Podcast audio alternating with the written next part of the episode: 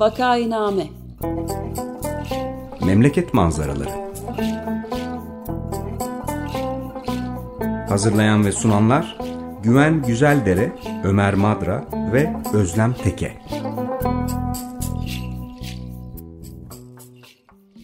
Vakainame'ye hoş geldiniz. Burası 95 FM Açık Radyo. Vakainame'yi Ömer Madra, Özlem Teke ve ben Güven Güzeldere birlikte sunuyoruz. Bugün tam takım huzurlarınızdayız ve konuğumuz Sabancı Üniversitesi'nden siyaset bilimci Berk Esen. Hoş geldin Berk. Hoş bulduk. Merhaba, hoş geldin. Merhabalar. Merhabalar. Konuğumuz siyaset bilimci Doktor Berk Esen, master eğitimini Sabancı Sabancı Üniversitesi'nde, doktorasını ise Cornell Üniversitesi'nde siyaset bilimi alanında yapmıştır. Halen Sabancı Üniversitesi Sanat ve Sosyal Bilimler Fakültesi'nde öğretim üyesi olarak görev yapmaktadır. Türk siyaseti, otoriterleşme ve siyasi partiler başlıca çalışma alanlarındandır. 2020 yılında Bilim Akademisi tarafından verilen Genç Bilim İnsanları ve 2018 yılında Sakıp Sabancı Uluslararası Araştırma Ödülleri'ne layık görülmüştür. Kendisi aynı zamanda Medyaskop haber sitesinde analiz ve yorumlarıyla yer almakta. Hoş geldiniz. Hoş ee, bulduk, teşekkürler. Şimdi seçimlerin ardından ilk vakainame programını yapıyoruz. Malum 14 Mayıs'ta e, milletvekili seçimleri ve Cumhurbaşkanlığı birinci tur seçimi oldu. 28 Mayıs'ta Cumhurbaşkanlığı ikinci tur seçimi oldu e, milletvekili seçimlerinde iktidardaki e, parti AKP ve küçük ortağı MHP ve ittifak kurdukları başka partiler hayli başarılı bir sonuç elde ettiler. İkinci tur sonucunda da Cumhurbaşkanlığına yeniden e, mevcut Cumhurbaşkanı Recep Tayyip Erdoğan seçilmiş oldu. E, muhalefetin bütün çabalarına rağmen böyle bir sonuç doğdu. Şimdi biz de biraz bundan konuşalım istiyoruz. Yani geriye doğru bakarak bir okuma yapmak ileriye doğru öngörülerde bulunmaktan daha kolay haliyle ama yine de e, bir sonraki sefer daha doğru öngörüler yapmanın yolu e, hep geçmişi doğru analiz etmekten geçiyor diye düşünüyorum. Bu açıdan biraz e, neler oldu, neler bitti, hangi e, unsurlar hangi sonuçlara e, bizi götürdü filan bunları e, anlatması için siyaset bilimci Berk Esen'i e, davet ettik. Sağ olsun o da kabul etti. Böyle şeylerden konuşacağız diyorum ve Berk sana bırakıyorum. Sanırım e, bu seçimi değerlendirirken ve özellikle Cumhurbaşkanı Erdoğan'ın seçimi neden ve nasıl kazandığını incelerken iki farklı e, noktanın altını çizmek gerekiyor. Bir tanesi iktidarın yaptıkları, e, diğeri de e, muhalefetin yaptıkları ya da yapamadıkları. Yani ben e, bir e, siyaset bilimci olarak Türkiye'deki rejimi rekabetçi otoriter olarak nitelendiriyorum ve aslında seçim sonuçları üzerinde de bu rejim yapısının çok belirleyici olduğunu düşünüyorum. Yani Türkiye'de seçimler gördüğümüz üzere düzenli olarak yapılıyor ve aslında muhalefetin bu seçimleri kazanma şansı var. Yani bu açıdan çok rekabetçi bir yapı e, halen devam ediyor. Ama rejim otoriter çünkü e, siyasi partiler arasında adil, eşit ve serbest koşullarda mücadele etme imkanı kalmadı. Çünkü bürokrasi ve hatta yargı partizan bir şekilde bu iktidara destek veriyor ve siyasi oyun alanını istediği gibi daraltabiliyor. Ee, örneğin işte Selahattin Demirtaş'ın senelerdir hapiste yattığını, Ekrem İmamoğlu gibi Cumhurbaşkanı Erdoğan'ın çok korktuğu bir adayın siyaseten yasaklı hale getirilmeye çalıştığını, HDP'nin kapatılmaya çalıştığını söylersek sanırım e, yeterince açıklayıcı e, olur. Dolayısıyla bu seçimde de e, hem yargı hem de bürokrasi iktidar lehine e, çalıştı. Kamu kaynakları sistematik bir şekilde iktidarın seçimi kazanması için kullanıldı ve belki de en önemlisi med ulusal medyanın önemli bir bölümü iktidar güdümünde ya da kontrolünde e, olduğu için iktidarın kampanyası bir propaganda şeklinde e, ülkenin önemli bir bölümüne ve tabii seçmenlerin çoğunluğuna yayılabildi. Şimdi böyle bir yapıyla karşılaştığınız zaman yani bir futbol maçı gibi düşünürseniz bir tarafta 9 kişilik bir takım var, diğer tarafta 11 kişilik bir takım var. Şimdi 11 kişilik takımın e, bu maçı kaybetmesi için 9 kişilik takımın her şeyi doğru yapması e, gerekiyor. E, tabii biz seçimlere giderken yani muhalif seçmenler çok umutluydu. Çünkü ekonomik kriz iktidarı çok vurmuştu. E, deprem iktidarı çok zayıflatmıştı. Ve aslında biz biraz bunların olumsuz etkisini Adalet ve Kalkınma Partisi'nin parlamento seçimlerinde düşen oyunda gördük. Ama özellikle kampanyaya girerken Cumhurbaşkanı Erdoğan'ın çok seçici bir şekilde özellikle de Anadolu kentlerinde kendi seçmenlerini ekonomik krizden korumak için e, kaynak dağıttığının altını çizmem gerekiyor. İşte doğalgaz faturaları bedavaydı Mayıs ayında. Ucuz kredi verildi, asgari ücrete zam geldi. e, memur alımı yapıldı, e, e, erken emeklilik yasası çıktı, emekli ve memur maaşlarında artış yapıldı. Yani çeşitli hamlelerle e, bir şekilde iktidar kendi tabanını belli oranda ekonomik krize karşı korudu ve etnik ve dini bir e, söylem üstünden e, toplumu kutuplaştırıp kendi seçmenini yanında tuttu ve tabii işte medyayı ve kamu kaynaklarını kontrol ettiği için de bu stratejisini büyük bir başarıyla yürütebildi. Bu iktidarın yaptıkları. Şimdi muhalefetin yaptıklarına gelecek olursam yani o 9 kişilik takım niye bu maçı kazanamadı? İki oyuncu eksik oynamasının ötesinde bu maçı kazanabilmek için yapması gereken her şeyi yapamadı. Bazı şeyleri doğru yaptı. Yani örneğin Millet İttifakı ve bir araya gelme stratejisi doğruydu. HDP'nin sürece dahil edilmesi doğruydu ve zaten bence Kemal Bey'in oyunu %48'e çıkaran hamlelerde biraz bu oldu. Umuda dayalı, değişime dayalı, herkesi kapsayıcı bir söylem benimsenmesi de çok doğruydu. Neyi yapamadı muhalefet? Yani ben burada çok hızlı birkaç tespit bulunabilirim. Bir tanesi bence e, en azından kendi adıma yanlış aday ve yanlış aday mimarisi yapıldı. Bu ikisini biraz ayrıştırmak istiyorum. Yani Kemal Kılıçdaroğlu'nun 2010 yılından beri CHP Genel Başkanı olduğunu düşünürsek bu seçime girerken e, çok büyük bir siyasi ve ideolojik bagajla girdi ve açıkçası 5 hafta içinde medyaya da erişimin çok az olduğu için bunu değiştirmesi mümkün olmadı. Yani bunun içinde daha önceki seçimleri kaybetmiş olması var. İktidar medyasının ona dönük çok e, sert saldırılar nedeniyle AKP seçmenin nezdinde çok olumsuz e, e, algısı var. E, yaşının ileri olması ve bir türlü söylemini e, insanlara güven verecek şekilde değiştirememiş olmasının bir e, rolü var. Yani dolayısıyla belki başka bir adayla gidilse iktidarın yürüttüğü bu kampanya bir parça daha az başarılı olabilirdi. Aday partisine gelecek olursam da Kemal Kılıçdaroğlu kendisini aday olarak öne çıkarabilmek için aslında 2019 yerel seçimlerinde çok başarıyla işleyen o Millet İttifakı yapısını biraz bozdu. Yani CHP ve İyi Parti'nin birlikte yürüttüğü süreci biraz sulandırıp sağ partileri yanına alarak onlara eşit pozisyon vererek biraz çok başlı bir yapı ortaya koydu ve bence İyi Parti'yi çok zayıflattı. İyi Parti'yi zayıflatınca İyi Parti'nin hinterlandında olan bazı milliyetçi seçmenleri İyi Parti'nin çekmesi giderek zorlaştı. Nitekim bu seçmenlerin kimisi e, Zafer Partisi'ne kimisi MHP'ye gitti ve e, MHP'ye gidenler Erdoğan'a, Zafer Partisi'ne gidenler de Sinan Oğan'a oy verdi ve anti Erdoğan oyu Kemal Kılıçdaroğlu'nun tamamen arkasında e, buluşamadı. Kampanya olarak da bu kadar güçlü bir iktidara karşı kampanya yapmak kolay değil. Özellikle de medya erişiminiz az olunca. Dolayısıyla çok fazla sosyal medyaya gömülen bir kampanya yürüttü Kemal Bey. Mutfağından paylaş, e, sosyal medya hesabından paylaştığı, mutfağından çektiği videolar üstünden kampanya yaptı. E, ben o, o videoların çok etkisi olduğunu düşünmüyorum. Kemal Bey'in söylemi çok bölük pörçük idi. E, bir dolu şey vaat etti ama vaat ettiklerinin böyle bir temel bir noktası bir noktadan sonra kayboldu. E, kampanyanın odaklandığı 3-4 tane ana meselesi olması gerekiyordu. Bu biraz ortadan e, kalktı. E, ve tabii söylemlerde özellikle ikinci tura girdiğimizde çok ciddi bir değişiklik oldu. Cumhuriyet Halk Partisi ve tabii diğer partiler için de geçerli ama ana muhalefet partisi olduğu için CHP'yi söyleyeceğim. Böyle bir otoriter rejimde başarı kazanması için sahaya inen güçlü bir örgüt yapısına ihtiyacı vardı. CHP bu yapıyı kuramadı.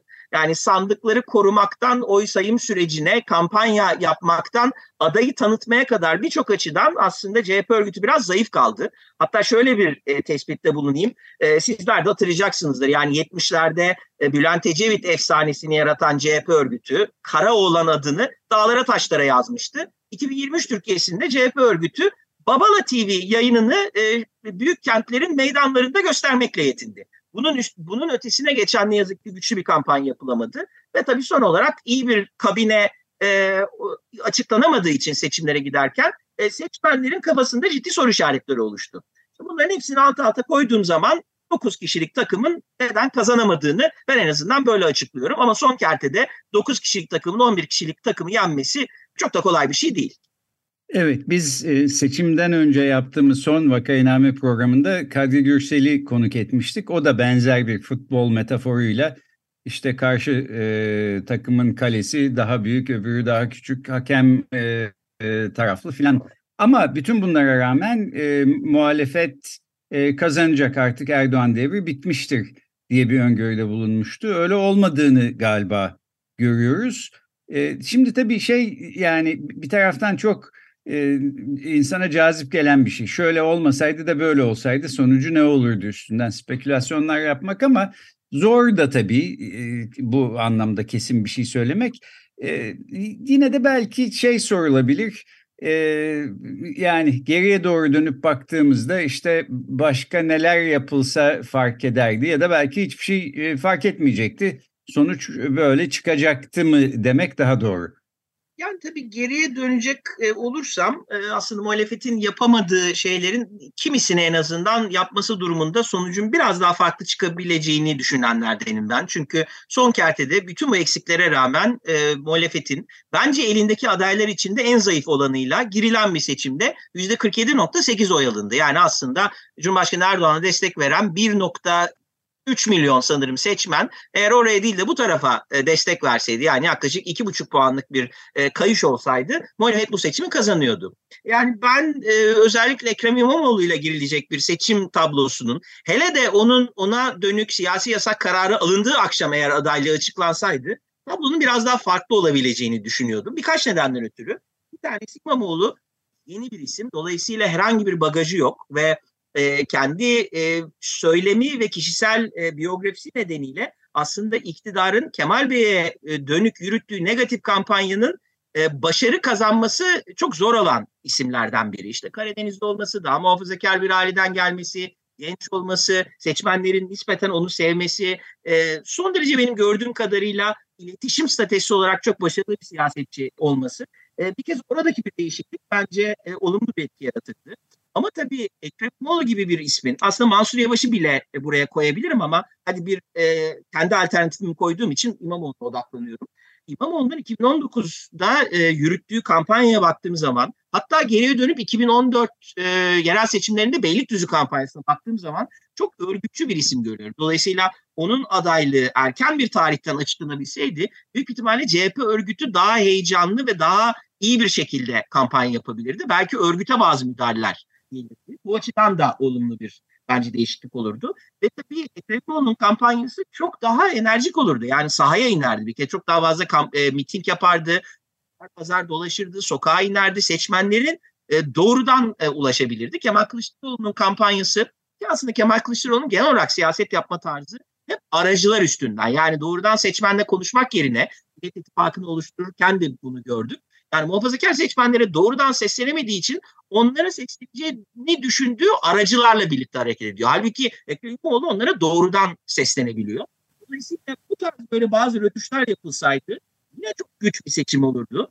Ee, ama e, tablonun ben biraz daha olumlu olarak e, değişebileceğini düşünenlerdenim. Ama tabii geriye dönüp bunu yaşama imkanımız olmadığı için sadece bir tez olarak kalacak. Evet, şimdi benim bir iki sorum daha var ama Ömer Bey, Özlem Hanım siz bir şeyler söylemek isterseniz e, habire ben konuşuyor olmayayım. Evet, ben de bir şey sormak istiyordum. Yani özellikle birinci turdaki kampanya ile ikinci turdaki kampanya arasında önemli bir fark göze çarptı.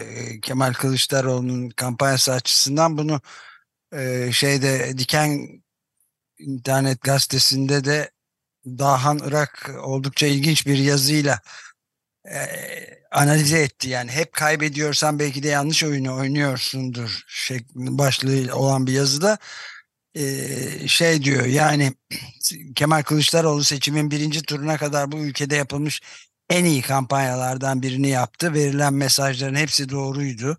Türkiye halkına daha iyi bir ülkede yaşayabileceklerini söyledi. Ne yap nasıl yapılabileceğini de anlattı. Dürüsttü ve içtendi. Ama birinci turla ikinci tur arasında ise deli saçması bir U dönüşü yapıldı diyor. Fatura kiraz ağaçlarına kalplere kesildi. Hötzötlü daha önce söylenen her şeyi ezip geçen sahte nobran bir dille Erdoğan taklidi yapıldı ve beşli çetenin çaldığı paralar unutuldu. Niyeyse artık diyor. Her şey sığınmacıların hesabına yazıldı. Zaten ittifak seçmeni İYİ seçmeninin de İYİ Parti seçmeninin Sinan Oğan'a verdiği oyları geri toplamak için Zafer Partisi ile aynı kayığa binildi. Halbuki o seçmen zaten AKP'ye geçen Sinan Oğan'a oyunu vermeyecekti diye böyle bir yani 15 gün sığınmacılara başıboş deme barbarlığı hatırına Kılıçdaroğlu'na da vermedi zaten. iki turdan hemen hemen aynı sonuç çıktı diyor. Yani o kiraz ağaçlarını boşuna kestim bededem diye de biraz böyle argo bir dil kullanarak yazmış. E, ne diyorsun buna? Yani ben bu eleştiriye belli yönleriyle katılıyorum ama tabii katılmadığım noktalar da var. Ee, zaten ilk tura dair ben Cumhuriyet tarihinde yapılmış en başarılı kampanya olduğunu düşünmüyorum. Yani tarihsel açıdan Cumhuriyet Halk Partisi'nin 70'li yıllarda yürüttüğü kampanyalar çok çok daha başarılıdır. Ee, ve e, yani biraz önce söylediğim üzere verilen mesajın nerede verildiğinden mesajı veren kişiye kadar bence bu kampanyanın birinci turunda da ciddi sıkıntılar vardı. Ama ikinci tura yönelik yapılan eleştirilere büyük oranda katılıyorum e, bir kez kesinlikle İyi Parti'yi bu süreç içinde bu kadar yalnızlaştırıp e, o partiyle rekabet edip ondan sonra ikinci tur öncesinde Ümit Özdağ gibi aşırı sağ bir siyasetçiyle protokol imzalayacak kadar e, kontrolü kaybetmesini Kemal Bey'in e, bir kez çok eleştiriyorum. Ve açıkçası Ümit Özdağ'ı ve temsil ettiği siyasi partiyi ve görüşü e, son derece meşrulaştıran bir hareket oldu ve seçimde kaybedildiği için zaten artık Kemal Kılıçdaroğlu'nun muhalefeti idare etme imkanı da bundan sonra e, azalacağı için bu e, çok kötü bir gelişme oldu. Yani Pandora'nın kutusu açıldı ve Ümit Özdağ bunu tepe tepe önümüzdeki dönem kullanacaktır. Bu bence çok yanlış bir söylemdi. Tabii ki Türkiye'nin bir göçmen sorunu var ve bu konuya dair siyasetçilerin bir şey söylemesi gerekiyor. E, ama Cumhuriyet Halk Partisi gibi ne olursa olsun kendini merkez soldan nitelendiren bir partinin daha kaliteli, daha rasyonel, daha üstüne düşünülmüş bir göçmen politikasının olması lazım. E, Kemal Kılıçdaroğlu CHP'sinin böyle bir politikası yok. Hoş Kemal Kılıçdaroğlu CHP'sinin başka birçok alanda da bence sistematik belirlediği, takip ettiği bir politika olmadığı için böyle taktiksel hamlelerle Cumhuriyet Halk Partisi'nin savrulduğunu görüyoruz. İşte ikinci tura giderken bir anda çok uç sağ bir noktaya savruldu. Örneğin 10 milyon göçmen ifadesini kullanmaya başladı. Bu rakamı nereden edindiğini ben Kemal Kılıçdaroğlu'nun anlamış değilim. Doğru değil bu sayı. Ve ben Kemal Bey'in de bu sayıya inandığını düşünmüyorum. Yani e, burada zaten bir sıkıntı var. 10 milyon göçmeni bir senede ülke dışına çıkarabilmek hem mümkün değil, hem etik değil, hem de siyaseten yanlış. Dolayısıyla e, orada çok ciddi hatalar yapıldı. Ben bunu Kemal Kılıçdaroğlu ve ekibinin seçimleri birinci turda kazanacağına dair olan büyük beklentisine bağlıyorum. Yani anlaşılan o ki ikinci tura dair hiçbir strateji yapılmamış ve Tayyip Erdoğan'ın da gerisinde kalınca bir anda bir panik e, ortaya e, çıktı. E, görülen o. Ve aslında ilginç bir şekilde e, Kemal Kılıçdaroğlu CHP'sinin ideolojik anlamda farklı yerde durmakla birlikte özellikle son birkaç senedir giderek Deniz Baykal CHP'sine benzediğini düşünüyorum. E, hatırlayacaksınızdır 2007 seçimlerinde tehlikenin farkında mısınızdır diye önce Cumhuriyet'in e, e, yaptığı bir e, reklam kampanyası vardı. O sonra CHP'nin 2007 kampanyasına e, dönüştü. E, vatanını seven sandığa gelsin diye kaybedilecek seçimden korkup en azından kendi seçmenlerinin seçimlere katılım oranını arttırmaya çalışan bir korku siyaseti güttü Kemal Bey. Ve bunu iki hafta içinde yaptı ve ilginç bir şekilde hani biraz önce e, Güven Hoca Kadri Gülsel'den bahsetti. Aynı isimler ilk tur kampanyasını da çok beğendiler, ikinci tur kampanyasını da çok beğendiler. Taban tabanın zıt olmasına rağmen. Onu da çok çarpıcı e, buluyorum. Bence ilk tur kampanyasında hatalar vardı, ikinci tur kampanyası çok çok kötü. Evet. Peki ben de şunu sorayım. Biraz da geleceğe bakalım. Yani bazı yorumcular işte bu son seçim olabilir. İktidar e, kazanır yeniden e, iktidarda 5 sene kalmayı garantilerse bir daha belki seçim bile olmaz falan diyorlar Türkiye'de. E, sen bu konuda ne düşünüyorsun ve gelecek e, geleceğe nasıl bakmalıyız? Şöyle, e, Türkiye gibi otoriter bir rejimde e, bu rejimden çıkışın son seçimi o rejimi e, değiştirdiğimiz, o rejimi devirdiğimiz seçimdir. Dolayısıyla ben bunun son seçim olacağını düşünmüyorum. Seçim yapılmaya devam edilecek ve e, siyasi oyun alanı zaten eşit ve adil olmadığı için o yapıda sürecek. Ama örneğin 2019 yerel seçimi de e, serbest ve adil değildi. O seçimi muhalefet kazanabilmişti. 2023 yılında belediye kaynakları arkasında olmasına karşın yani aslında e, adil olmama durumu biraz daha azalmasına karşı 2023'te kazanamadı. E, bundan sonraki gidecek seçimde daha farklı bir dinamik olabilir ama ben son seçim olduğunu düşünmüyorum. Bence 2024 yerel seçimleri bir yönüyle bu seçimden bile önemli. Çünkü sonuçta biz iki hafta önce zaten Cumhurbaşkanı Erdoğan yönetimiyle e, yönetimi altındaydık. Halen altındayız. Tabii ki çok ciddi hatalar yapılıyor ve otoriter bir rejim ama aslında günlük hayatımızda çok büyük bir değişim olmadı. Ama 2024 yerel seçimi kaybedilirse neredeyse önemli bütün büyük şehirleri CHP'nin kontrol ettiğini düşünürsek o çok büyük bir e, darbe olur muhalefete. Dolayısıyla bence bugünden başlayarak yerel seçimler düşünülmeli. Yerel seçimler hangi stratejiyle, hangi ittifak yapısıyla, hangi adaylarla kazanılabilir o düşünülmeli. E, burada belki tek bir noktanın altını çizeceğim. Ben e, rejimin bütün aksaklıklarının, zayıflıklarının, kırılganlıklarının aynen devam ettiğini düşünüyorum. Başta ekonomik kriz ve depremin ekonomik faturası e, olmak üzere.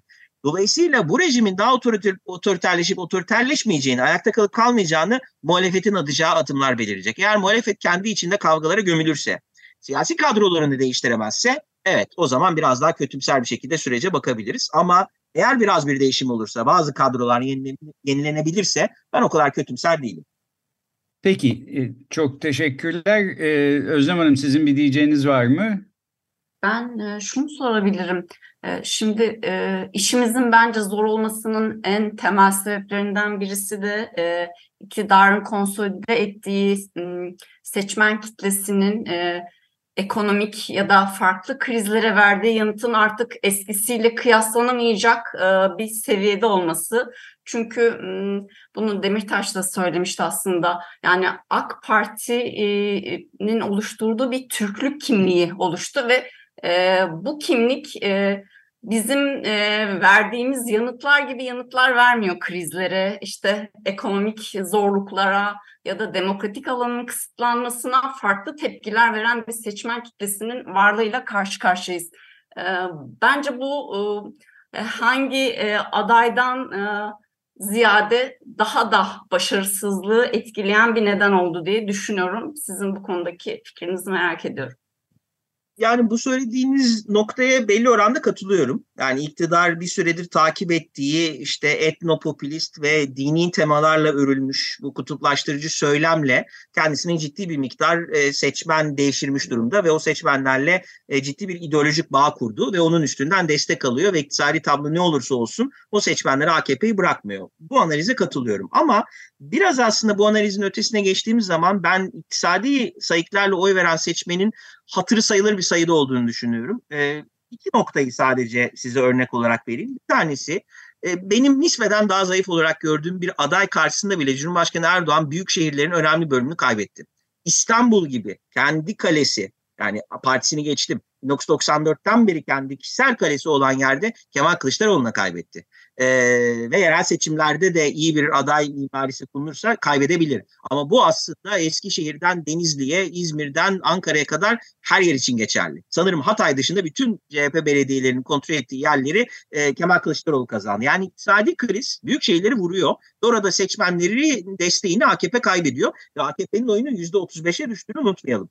E, e, parlamento seçimlerinde. Yani 2002 seviyelerine döndüler. Ama Anadolu kentlerinde iktisadi krizin Erdoğan'ın takip ettiği politikalar nedeniyle ben o kadar hissedildiğini düşünmüyorum. Yani bir örnek vereyim size. Siz Elazığ'da yaşayan bir 50 yaşında bir AKP seçmeniyseniz erken emeklilik de geçti. Dolayısıyla artık emekli maaşı alıyorsunuz. Ev zaten sizin. E, kira olsa da fark etmez. Kiralar düşük. Hayat ucuz büyük şehirlere nazaran. E, dolayısıyla ve belki tarımsal üretimden de işte bağınız bahçeniz olduğu için biraz bir pay alıyorsunuz. E, Elazığ veya Sivas veya Erzurum'da yaşayan bir seçmenin e, AKP seçmenin ekonomik krizden etkilenme oranıyla Üsküdar, Ümraniye ya da Çekmeköy'de yaşayan bir AKP seçmenin etkilenme oranı aynı değil. Muhalefetin artık büyük şehirlere odaklanması gerekiyor. Çünkü Sivas'taki farkı kapatamayacak. Dolayısıyla Sivas'taki farkı telafi etmek için İstanbul'da 2 puan değil 5 puan fark atması lazım. İstanbul'da 5 puan fark attığı an bu iş biter. Ve İstanbul'da 5 puan fark atacak elinde kapasitesi, politikaları ve kadroları var. E, dolayısıyla biraz daha bence belediyeler üstünden e, bu işi konuşmamız gerekiyor. Evet ve belediye seçimlerine de bir seneden az bir zaman var. Aslında neredeyse seçim satım haline girmiş durumda bile kendimizi sayabiliriz. Ee, bir an önce senin de ben dediğine katılıyorum. Ee, yerel seçimlere odaklı bir çalışmaya herhalde başlanması gerekiyor. Peki son olarak ben de zamanımız da bitiyor. Altılı Masa'nın geleceği hakkında da birkaç bir şey söyler misin diye sorayım. Çünkü orada altı farklı parti bir araya gelmişti, bir ittifak kurmuştu. Fakat bir seçim ittifakı idi. En azından bazı unsurlar bunu söylüyorlar. Bitti seçimde.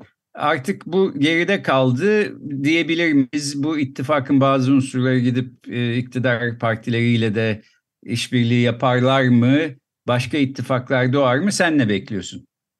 Evet ben açıkçası Millet İttifakı'nın şu yapısıyla devam etmekte zorlanacağını düşünüyorum. Zaten kampanya döneminde bile gördük. İyi Parti ile DEVA ve hatta Demokrat Parti arasında bir husumet var. CHP ile İyi Parti arasında işlemeyen bir uyumsuzluk var. E, ve tabii seçim sonuçları da böyle bir başarısız bir tablo ortaya koyduğu için Millet İttifakı zayıflayacaktır. Zaten İyi Parti'den yavaş yavaş bu tarz açıklamalar gelmeye başladı. Burada benim takip edeceğim birkaç tane nokta var. Bir tanesi dikkat ederseniz Cumhurbaşkanı Erdoğan hem birinci turu kazandıktan hem de ikinci turu kazandıktan sonra e, CHP'nin 30 küsür tane muhafazakar vekili meclise soktuğunu ve hesap hatası yaptığını birkaç defa vurguladı. Benim tahminim e, zaten sağa kaymış bir mecliste e, Cumhurbaşkanı Erdoğan bu vekillere gözünü dikecektir. Bir daha transfer etmesine gerekmez ama o vekillerle ortak oy kullanma imkanı sağlayacak bazı yasa tasarılarını meclisten geçirip Millet İttifakı'nı bir kez sağ kanadından zayıflatacaktır. İyi Parti zaten şu yapının kendi işine yaramadığını gördüğü için bence bir süre CHP'den uzaklaşacak ve yerel seçimlere giden noktada tekrardan bir müzakere kapısı açmaya başlayacaktır. Ve Kılıçdaroğlu CHP'siyle beraber hareket etmesi biraz daha zor olacak. Dolayısıyla Millet İttifakı tamamen çöker diyemem ama bence bir süre her parti kendi yoluna gidecek yerel seçimlere giderken biz belki Eylül, Ekim ayında e, bazı şeyleri yeniden değerlendirmeye başlayacağız. Özellikle CHP kurultayından sonra. Çünkü CHP'nin artık yakında kurultaya gitmesi lazım. Eğer Kemal Kılıçdaroğlu seçilirse eli biraz daha zayıflamış bir şekilde e, masaya oturacak. E, İyi Parti yanında tutmak için tahminim benim şu an CHP'nin elinde 11 tane büyükşehir belediyesi var. Bunlardan 3 ya da 4'ünü pazarlık masasına getirmek zorunda kalabilir. İyi Parti'yi yerinde tutmak için. Çünkü 2019'da yapılan ittifaktan İyi Parti çok bir şey kazanmadı. Sanırım 19 ilçede belediyeyi kazandı İyi Parti ama CHP 11 tane büyükşehir belediyesini ve bir dolu ili kazandı. Dolayısıyla orada denge ya İyi Parti yönüne biraz dönecek ve ittifak öyle konulacak ya da kaybet kaybet formülü olacak ya da Kılıçdaroğlu e, koltuktan çekilecek. E, bunların hepsinin olasılığı var. Evet ve sanıyorum ki kısa bir süre içinde aslında bu dengeleri gözeten bir takım hesaplar falan gündemimize oturacak. E, yerel seçimlere gidene kadar da bununla oyalanacağız. Peki isterseniz böylece bitirelim. Bugün konuğumuz e, Sabancı Üniversitesi'nden siyaset bilimci Berk Esendi seçim sonuçlarına geriye doğru bakarak bir değerlendirme sundu. Çok teşekkür ediyoruz Berk. Ben teşekkür ederim. Çok teşekkürler. Çok sağ olun. Görüşmek üzere. Hoşçakalın.